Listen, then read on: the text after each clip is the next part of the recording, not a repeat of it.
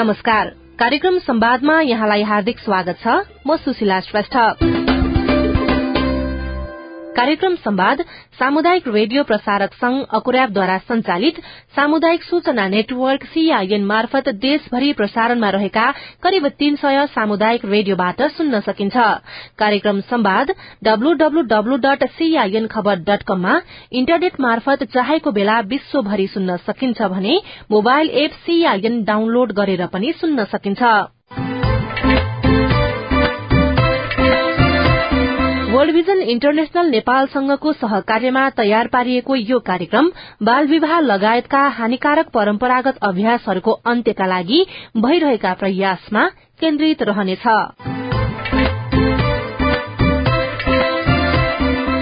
आजको कार्यक्रम संवादमा नेपालमा बाल विवाहको अन्त्यका लागि स्थानीय सरकारले गरिरहेको प्रयास र भूमिकाका विषयमा केन्द्रित रहनेछ।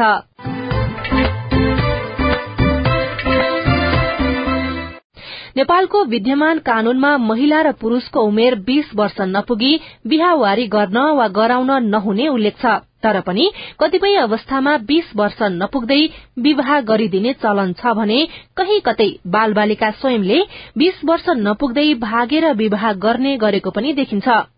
स्थानीय सरकार संचालन ऐन दुई हजार चौरात्तरले बाल विवाह लगायत हानिकारक परम्परागत अभ्यासको अन्त्यको अधिकार स्थानीय सरकारलाई दिएको छ। बाजुराको बढ़ी मालिका नगरपालिकाका उपप्रमुख नन्दा थापासँग हामीले बाल विवाह लगायत हानिकारक परम्परागत अभ्यास अन्त्यका लागि पालिकाले गरिरहेको प्रयासका विषयमा कुराकानी गरेका छौं। कार्यक्रममा अबको पालो सोही कुराकानी।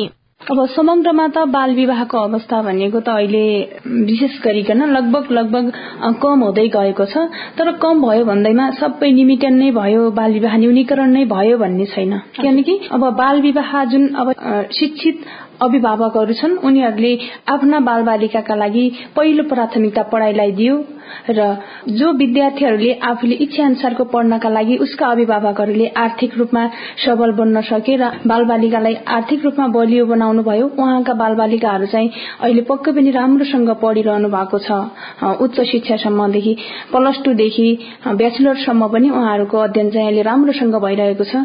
त्योभन्दा पनि जो अभिभावकहरू आफू आर्थिक रूपमा सक्षम हुनुहुन्छ आफू आर्थिक रूपमा भनौं व्यवसायिक गरेर भनौं विभिन्न काम गरेर जो आमा बुवाहरू व्यस्त हुनुहुन्छ आर्थिक रूपमा जसरी पनि छोराछोरीहरूलाई पढ़ाउनु पर्छ भनेर लागिरहनु भएको छ उहाँका छोराछोरी चाहिँ कुनै प्राविधिक रूपमा अब्बल हुनुहुन्छ प्राविधिक पढेर पास गरेर उहाँहरू जागिरै हुनु भएको छ र उहाँहरूले विवाह गर्नुभएको छैन। अर्कोतिर हामीसँग धेरै वर्गको मानिसहरू हुनुहुन्छ केही वर्गको मानिसहरू चाहिँ आफ्नो छोराछोरीहरूलाई पढ़ाउनै नसक्ने बिहान बेलुका के खाने भन्ने वर्गका मान्छेहरू छन् जो हाम्रो समाजमा उहाँहरूका छोराछोरीबाट चाहिँ विवाह भइरहेको छ।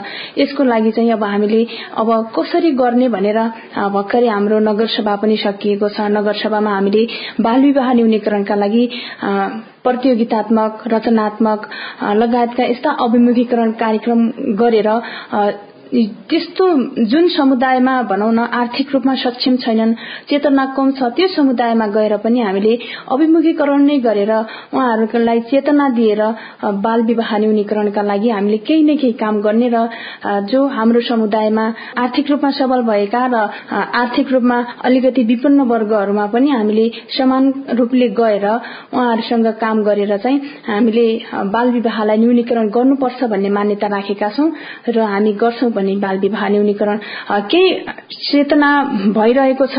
कुनै ठाउँमा हामीले विभिन्न योभन्दा अगाडिका जनप्रतिनिधिहरूले पनि काम गर्नुभएको छ। केही न्यूनीकरण हुँदै गएको छ र अब हामीले कसरी न्यूनीकरण गर्ने भन्ने हाम्रो पनि योजना छ। यसका लागि हामीले विभिन्न महिला तथा बाल बालिका शाखाद्वारा सञ्चालन हुने गरिकन हामीले विभिन्न कार्यक्रम ल्याएका छौं। बाल विवाहलाई हामी न्यूनीकरण गर्न मुख्य चाहिँ के गर्न सक्छौ तपाईँको पालिकाको तर्फबाट? के गर्नुहुन्छ त? हाम्रो पालिका पालिकाको तर्फबाट मैले अघि पनि भने हामीले विशेष गरिकन बाल बालिका बीच प्रतियोगितात्मक रचनात्मक कार्यक्रमहरू गर्छौं। समुदायमै गएर विद्यालयसँग समन्वय गरेर विशेष गरिकन उनीहरूका आमा बुवाहरूलाई बढ़ी जिम्मेवारी बनाउने बाल बालिकाका अभिभावकहरूलाई जो किशोर अवस्थाका बाल बालिका छन् उनीहरूको विवाह हुने उमेर पुगिसकेको छ। उनीहरू विवाह गर्नका लागि केटा केटी बीच उहाँहरूको आफ्नो साथी जोड्नका लागि आफ्नो साथी खोजिरहेका छन्। तर पनि हामी साथी भनेको अब हामी विवाह गर्ने जोडी होइन? हामी पढ्नका लागि साथी हौ भन्ने खालको उहाँहरूलाई हामी त्यो फिल गराउँछौ। समुदायमा गएर फिल्डमा गएर हामी त्यसरी कार्यक्रम गर्छौं। बाल बालिका सँगसँगै अभिभावकलाई शिक्षा नदिई भएको छैन अभिभावकहरूलाई शिक्षा दियो भने चाहिँ अहिले साँच्चीकै हाम्रो छोराछोरीलाई पढाउनु पर्छ भन्ने खालको हामी बोध गराउँछौ उहाँहरूलाई। योभन्दा अगाडि पनि हामीले अभिभावकहरूसँग यसो कुराकानी गर्दाखेरि आफूहरूको अलिकति भनेको नटेर्ने खालका गुनासाहरू अभिभावकहरूले पनि हामीलाई सुनाउनु भएको छ। त्यो कारण भनेकै अलिकति यो प्रविधिले मोबाइल प्रविधिले गर्दाखेरि जहाँ कोरोना आयो कोरोना आउँदाखेरि अब अनलाइन क्लास सञ्चालन गर्नै पर्ने अनलाइन क्लासमा सहभागी हुनै पर्ने भएका कारणले किशोर अवस्थाका अब किशोर किशोरीहरूले मोबाइल किन्न बाध्य बनाए। अभिभावकहरूले जसरी पनि मोबाइल किन्नुभयो त्यही मोबाइलका कारणले अहिले स्कूलसम्म पनि यस्तो प्रभाव पर्यो कि मोबाइलमा विभिन्न भिजुअलहरू हेर्ने युट्युबहरू चलाउने फेसबुकहरू चलाउने सामाजिक सञ्जालमै बढी व्यस्त हुने। यो कारणले पनि अलि केटा साथीले केटी साथी रोज्ने बनायो।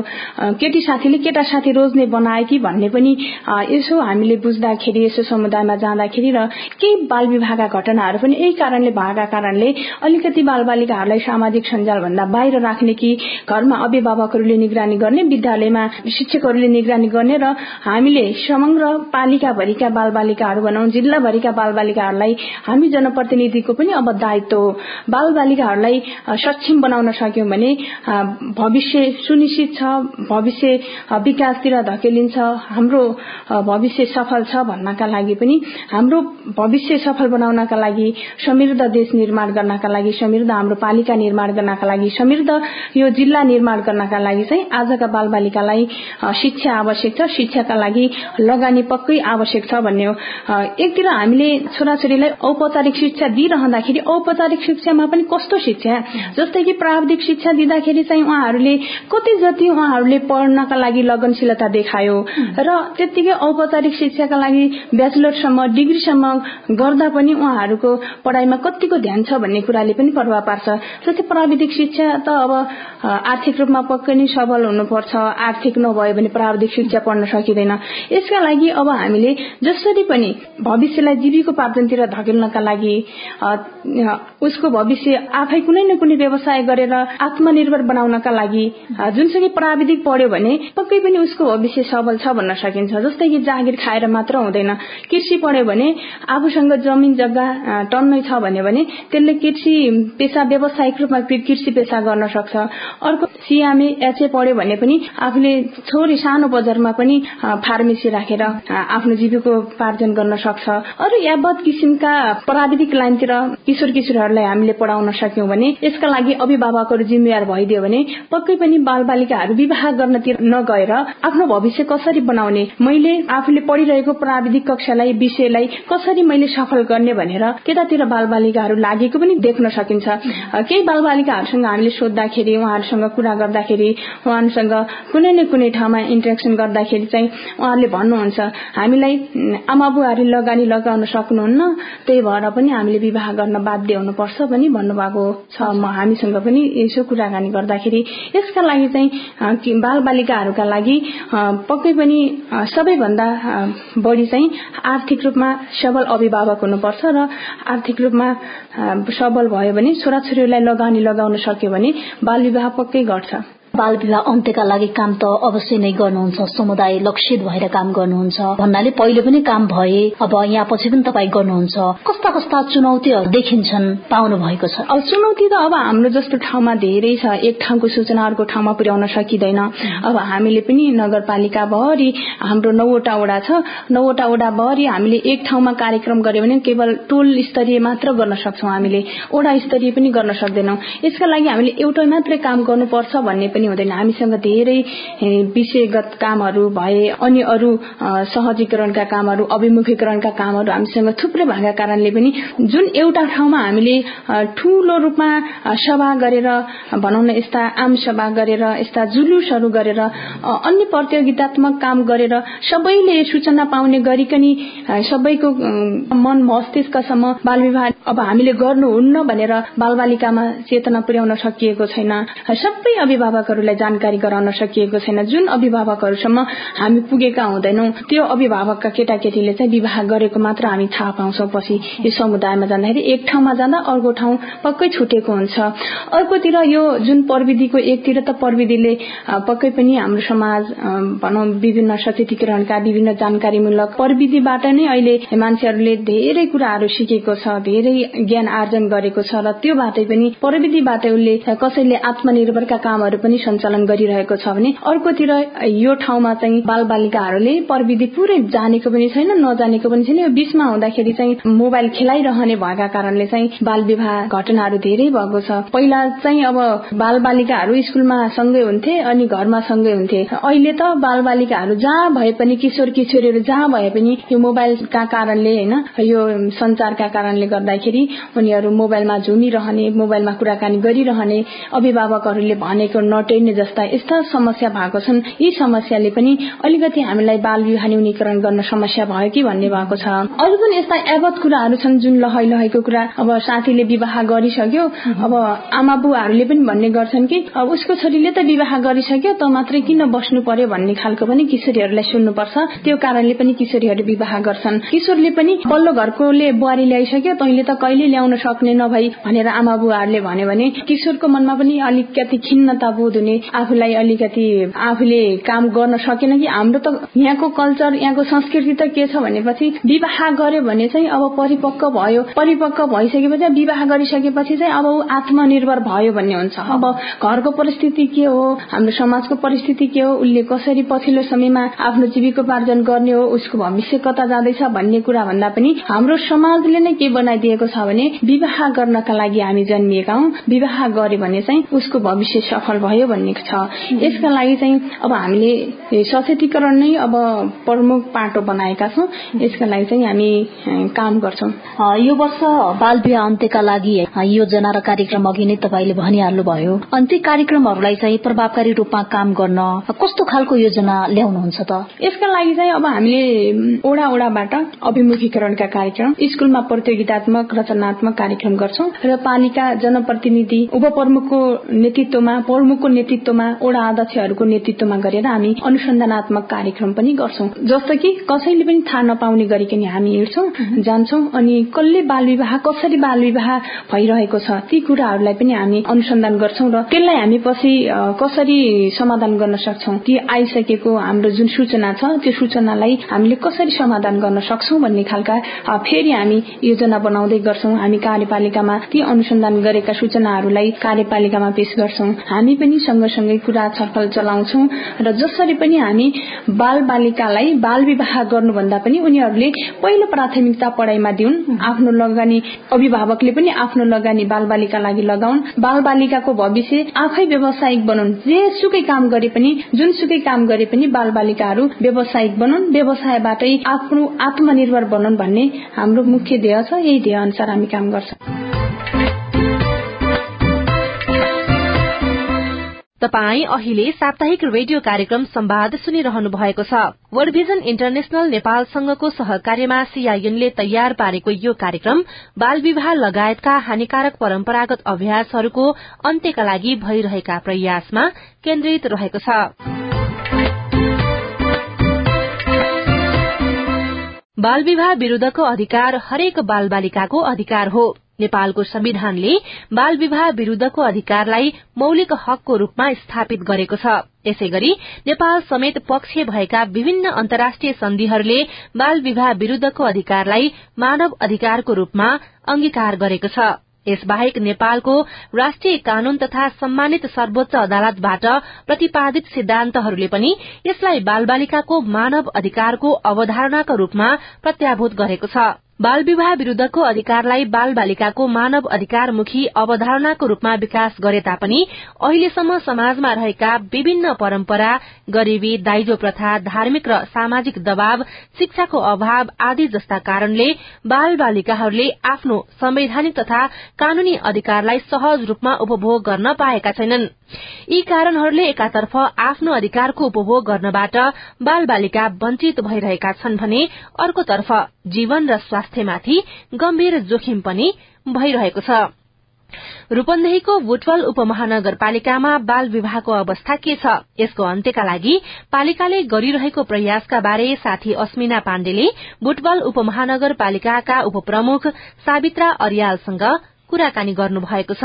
वास्तवमा बुटोलमा म योभन्दा पहिले पनि महिला अधिकारको क्षेत्रमा काम गर्ने एउटा पोलिटिक्स गर्ने भए हुनाले महिलाकै क्षेत्रमा बढी काम गर्थे। र यति धेरै किशोरीहरूको बाल विवाह भएको छ भन्ने चाहिँ मलाई विश्वास लागेको थिएन बुटोलमा। तर अहिले आइसकेपछि यो सेतु गुराँसले जुन किशोरीहरू किशोरी शिक्षाका रूपमा किशोरीहरूलाई ल्याउने काम गर्नुभयो त्यहाँ लगभग दुई सय किशोरीहरू चाहिँ बाल विवाह गर्नुभएको। त्यो पनि अझै तेह्र वर्षमा विवाह गर्ने सत्र वर्षमा दुईटा बच्चा हुने सत्र वर्षमा एकल हुने। त्यस्तो खालको देख्दाखेरि त वास्तवमा बुटोललाई बाल विवाह मुक्त गराउनु पर्छ भनेर जुन दिन म गएर ती किशोरीहरूको दीक्षान्त समारोहमा बसे त्यो दिनदेखि मलाई चाहिँ लागेको छ अब किशोरीहरूलाई चाहिँ त्यो खालको बाल विवाहमा संलग्न गराउन हुन्न भन्ने लाग्यो। फेरि हाम्रो संविधानले भनेको छ बीस वर्ष यता बालिकाको बिहा गर्न हुन्न नानीको महिलाहरूको बिहा गर्न हुन्न भने पनि नानीहरूलाई मैले त्यति बेलै सोधेँ तिम्रो विवाह बुवा आमाले गरिदिनु भयो कि लभ म्यारेज हो भनेको हाम्रो धेरैले लभ म्यारेज भन्नुभयो। अब ती बालिकाहरूलाई त्यो क्षेत्रका बालिकाहरूलाई हामीले सुसूचित गर्नुपर्छ बीस वर्ष नभई बिहे गर्नुहुन्न बाल विवाहको यो खालको कानून छ भनेर सुसूचित गरेर लग्नुपर्छ। र ती बालिकाहरू चाहिँ यस्तो हृदय विदारक उहाँहरूको दुःख देख्दाखेरि चाहिँ तपाईँहरू पढ्नुहुन्छ भनेर मैले सोधे। सोधेको धेरैले दुई सयमा लगभग एक सय पचासले हात उठाउनु भयो हामी पढ्छौँ भनेर। मैले जिम्मा लिएको छु तपाईँहरू आउनुहोस्। तपाईँहरूलाई निशुल्क पढाउने जिम्मा चाहिँ उपप्रमुख भयो भनेर जिम्मा लिएर आएको छु। उहाँहरूले पढ्नुभयो भने भोलि आर्थिक रूपमा सामाजिक रूपमा राजनीति रूपमा सक्षम हुनका लागि पनि उहाँहरूलाई शिक्षा दिनुपर्छ भन्ने लागेर बुटोलमा चाहिँ एउटा महिला विद्यालय छ जो कि मैले नेतृत्व गरेका थिएँ। साधना महिला विद्यालय त्यहाँ चाहिँ ती किशोरीहरूलाई पढाउने गरी र उहाँहरूको नेतृत्व विकास गर्ने गरी काम गर्नका लागि मैले अग्रसरता लिएको छु। मैले बोलाएको हुँ। सेतु गुराँससित सम्पर्क गरेर उपप्रमुखको कार्यकक्षमा तपाईँहरू कतिजना पढ्ने नाम दिनुहोस् भनेर भनेको अहिलेसम्म आएको छैन। नआए पनि म फेरि फलो गर्नेछु। हजुर। अब त्यो यहाँ आफू कार्यक्रममा गइसके पछाडि चाहिँ अवस्था यस्तो रहेछ भन्ने खालको एउटा तथ्याङ्कीय हिसाबले पनि यहाँले त्यो थाहा पाउनुभयो। खास गरी बुटवलको एघार नम्बर वडा लगायतका केही वडा र सीमान्तकृत समुदायका बालिकाहरू त्यहाँ धेरै भेटिएका थिए। अब त्यो बाहेक पनि अब नगरपालिकाले समग्रमा बाल विवाह न्यूनीकरण गर्नका लागि चाहिँ कस्ता कस्ता योजनाहरू ल्याउनुपर्छ अथवा अहिलेसम्म के के योजनाहरू रहेछन् यहाँ दोस्रो कार्यकालमा उपप्रमुख भइरहँदाखेरि चाहिँ योभन्दा पहिला पनि नगरका धेरै योजनाहरू नीतिहरू अगाडि सरिसकेका छन् होला। कस्तो कस्तो योजनाहरू छन् र अब चाहिँ कसरी अगाडि बढ्ने योजनामा छ नगरपालिका? यो बुटोल चाहिँ जताततैबाट बटुलिएर आएका मान्छेहरू बसोबास गर्ने ठाउँ। त्यसो भएर यो बटौली भएको अरे भन्ने चाहिँ म बचपन हुँदाखेरि मैले सुनेको थिएँ। र यहाँ आफ्नो जात जाति वेशभूषा संस्कृति अनुसार चाहिँ काम हुने हुँदाखेरि केही मधेसी मूलको समुदायले छोरीलाई सानैमा बिहा गर्ने। त्यसपछि चाहिँ पछि उसलाई चाहिँ अलि हुर्किसकेपछि घर गर्न सक्ने भइसकेपछि उसको उमेरले अब यतिको भएपछि पठाउने भनेपछि पठाउने चाहिँ उहाँहरूको संस्कृति हो त्यो। त्यो संस्कृतिलाई त्यो मूलका मान्छेहरूलाई राखेर हामीले चाहिँ नगरपालिकामा एक खालको ओरिएन्टेसन गर्नुपर्छ भन्ने चाहिँ मैले सोचिराखेको छु। यो चुनाव पछाडि हामीले विभिन्न समुदायलाई राखेर ओरिएन्टेसन गर्नुपर्ने हुन्छ। अब भागेर जाने बाबामालाई नसोध्ने दसैँ वर्षमा भाग्नेसित त कसरी सकिएला जस्तो पनि लाग्छ तर गर्न के सकिन्न र आँट्यो भने जे पनि गर्न सकिन्छ। मान्छेले ढुङ्गालाई त पगाल्छ हामी त मान्छेसित जाने हो र मान्छेसितै सँगै रहन्छौ यहीँका जनतासित सँगै रहन्छौ भनेर अलि कठोर निर्णय लिन मन लागिरहेको छ ती नानीहरूको अवस्था देखिसकेपछि। विशेष गरेर मधेसी समुदायसित हामी चाहिँ धेरै बसेर अन्तर्क्रिया गर्नुपर्छ भन्ने मलाई लागेको छ। अब अभिभावकहरूसँग चाहिँ चाहिँ बाल विवाह न्यूनीकरणका लागि कस्तो खालको भूमिका नगरपालिकाले निभाइरहेको छ अहिलेसम्म र योजना चाहिँ के छ? के हो भन्दाखेरि अभिभावकहरूलाई राखेर उहाँहरूलाई सुसूचित गरेपछि उहाँहरूको जुन संस्कृति छ जुन परम्परा छ त्यो परम्परालाई हामीले तोड्न सक्नुपर्छ। उहाँहरू पनि त्यसमा आउन सक्नु पर्यो विभिन्न जात जाति वेशभूषा आफ्नो संस्कृतिसित रहेका र आफ्नो धर्मसित रहेका मान्छेहरूलाई परिवर्तन गर्न अलिकति कठिनाई पनि हुन्छ। तर पनि संविधानलाई टेकेर तपाईँहरूले जुनसुकै धर्म माने पनि नेपाली भइसकेपछि यहाँको संविधानलाई टेकेर हामीले काम गर्नुपर्छ। बीस वर्ष यता चाहिँ नानीहरूको बिहे गर्नुहुन्न। हुन्न भनेर। हामी चलाउँछौँ यो वर्ष कम होला अर्को वर्ष अलि बढ्ला अनि अर्को वर्ष बढ्ला त्यसरी चाहिँ लैजाने गरी चाहिँ कामको योजना बनाएका छौँ। हजुर। अब यहाँले लामो समयसम्म दिने किशोरीहरूसँगै बसेर पनि कुराहरू गर्नुभयो होइन? किशोरीहरूसँग यहाँले प्रत्यक्ष भेटेर पनि कुरा गर्नुभयो। कारणहरू चाहिँ के के रहेछन् बाल विवाह हुने कारणहरू चाहिँ कुन कुन कारणले चाहिँ उहाँहरूको बिहे भएको रहेछ? र बुटोल उपमहानगरपालिकालाई हेर्दा र समग्र देशकै अवस्थालाई हेर्दा चाहिँ बाल विवाह कस्ता कस्ता कारणले भइरहेको रहेछ?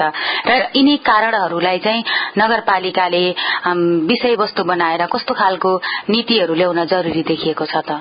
यो कारण चाहिँ मैले भेटाइन। नानीहरूलाई सोद्धाखेरि मैले कारण भेटाइन। किन भन्दा तेह्र वर्षको बच्चाले के बुझ्छ? ऊ त भाँडाकुटी खेले जस्तो आफू जत्रै साथीसित हामी श्रीमान श्रीमती हुने भने भागे। त्यो त्यो त्यसो भएर जुन संविधानले दिएको अठार वर्ष बीस वर्ष छ नि त्यही टेक्न सकियो भने मात्रै सुधार गर्न सकिन्छ। नै भने सानोमा जानेहरूलाई त कसको बच्चा घरमा के गरिरहेको छ त्यो त नगरपालिकाले हेरिरहन सक्दैन। त्यो अभिभावकले चाहिँ बुझ्न पर्ने कुरा हुन्छ। तर अभिभावकले पनि कहिले काहीँ थाहै नदिकन हिँडिदिँदाखेरि अभिभावक पनि एक खालको नबुझेको नजानेको अवस्था थाहा नपाएको अवस्थामा अभिभावक पनि हुनुहुन्छ। त्यही हो मैले अघि नै पनि भने अभिभावकहरूलाई हामी राख्ने ओरिएन्टेसन गर्ने उहाँहरूलाई विभिन्न खालको तालिमहरू दिने शिक्षा दिने चेतनामूलक शिक्षा दिने र जुन किशोरीहरू बिहा भइसकेर आफू लभ म्यारेज गरेर गइसकेपछि पन्ध्र वर्षमा चौध वर्षमा बच्चा जन्माउँछन्। त्यो बच्चा जन्माउँदा त्यो किशोरीलाई हुने समस्याका बारेमा बाबा आमालाई सुसूचित गर्यौं भनेदेखि र त्यो किशोरीलाई पनि गर्यौं भनेदेखि उनीहरूले बुझ्यो भने यो काम चाहिँ न्यूनीकरण हुन्छ भन्ने चाहिँ लाग्छ। विद्यालयहरूमा चाहिँ यो नैतिक शिक्षाको कमीले पनि बाल विवाहमा चाहिँ यो खालको अलिकति नराम्रो असर परिरहेको हो कि नगरपालिकाले चाहिँ अभिभावक संघहरूसँग बसेर अभिभावकहरूसँग बसेर छलफल चलाउने नैतिक शिक्षाका विषयमा जानकारी गराउने र नगरको आफ्नै शिक्षाका रूपमा पनि नगरको एउटा पुस्तक पनि अहिले यहाँका विद्यालयहरूमा पठन पाठन भइरहेको छ होइन? यिनी कुराहरूको विषयमा चाहिँ कतिको छलफलहरू हुने गरेको छ? अवश्य पनि अब बुझ्ने भनेको अभिभावकले हो। अभिभावक अभिभावकले बुझ्नुभयो भने त्यसपछि चाहिँ हामीले काम गर्न सकिन्छ भन्ने लाग्छ। नैतिक शिक्षाको कुरा गर्नुभयो बिचरा बुवा आमाले पढ्दै पढ्नु भएको छैन। अनि नैतिक शिक्षा पढ्ने बेला हुन्छ आठ नौ क्लासमा गइसकेपछि। हुन त अहिले चार क्लासबाट सकिया। हो हाम्रो समयमा आठ क्लासमा पढे जस्तो मलाई लाग्छ। त्यति बेलासम्म ऊ गइसकेका हुन्छ बिहा गरिसकेका हुन्छ भनेदेखि हामीले संविधानलाई टेकेर नै काम गर्न सक्यौं भने सफल हुन सकिन्छ। होइन भने हामी सफल हुन सकिन्न। त्यो कि त्यो घरको गार्जेनले यति वर्ष नभइकन बिहे गर्न हुँदैन।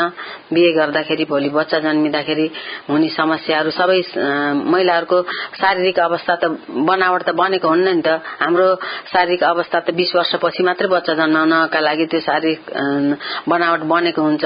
त्यसले गर्दाखेरि त्यो अभिभावकले बुझ्ने र त्यो किशोरीहरूले बुझ्यो भनेदेखि हो। नबुझ्दाखेरि गर्दाखेरि त गाह्रो नै छ। अब नगरका आमाहरूलाई चाहिँ यहाँको के सन्देश छ? आफ्नो छोरा छोरीलाई चाहिँ कलिले उमेरमा विवाह नगर्नका लागि चाहिँ के अनुरोध गर्नुहुन्छ? मैले विशेष गरेर आदरणीय नगरवासी दाजुभाइ दिदीबहिनी आमा बुवाहरू सबैलाई म विनम्रतापूर्वक के अनुरोध गर्न चाहन्छु भने तपाईँको बच्चा मन्टेश्वरी पठाउन थाल्नुहुन्छ। तपाईँको बच्चा वान क्लास पठाउन थाल्नुहुन्छ। तपाईँको बच्चा सरकारी स्कूलको एक क्लास पठाउन थाल्नुहुन्छ। त्यति बेलादेखि विशेष गरेर आमाहरूले यो शिक्षा दिनु कि अहिले त बिए गर्ने समय भनेको यस्तो हो। भनेर सानैदेखि हामीले त्यो खालको शिक्षा दिन थाल्यौं घरमा एक खालको शिक्षा भनेदेखि यसको चाहिँ न्यूनीकरण हुन्छ।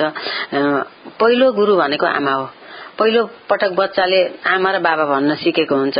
त्यसो भएर त्यो आमाले सिकाउने कुराहरू नैतिक शिक्षाको बारेमा त आमाले नै सिकाउने त्यो पुस्तकमा भन्दा बढी नैतिक शिक्षा आमासित हुन्छ आमाले नै सिकाएर अगाडि बढाउने हो। आमाहरूसित मैले यही विनम्रतापूर्वक अनुरोध गर्न चाहन्छु कि नर्सरी पढाउनेदेखि तपाईँले आफ्नो बच्चालाई नैतिक शिक्षा दिन थाल्नुहोस्। अवश्य पनि तपाईँको बच्चा चाहिँ राम्रो हुन्छ।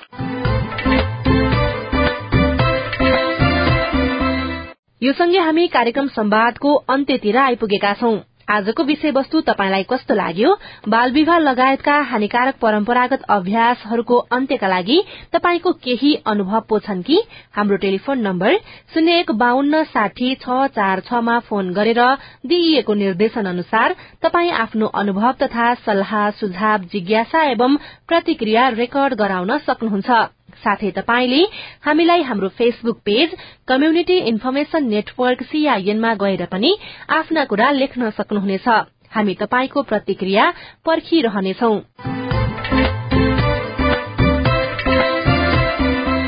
वर्ल्ड भिजन इन्टरनेशनल नेपालसँगको सहकार्यमा सीआईएनले तयार पारेको कार्यक्रम संवादबाट प्राविधिक साथी सुरेन्द्र सिंहसँगै म सुशीला श्रेष्ठ पनि विदा हुन्छु। नमस्कार।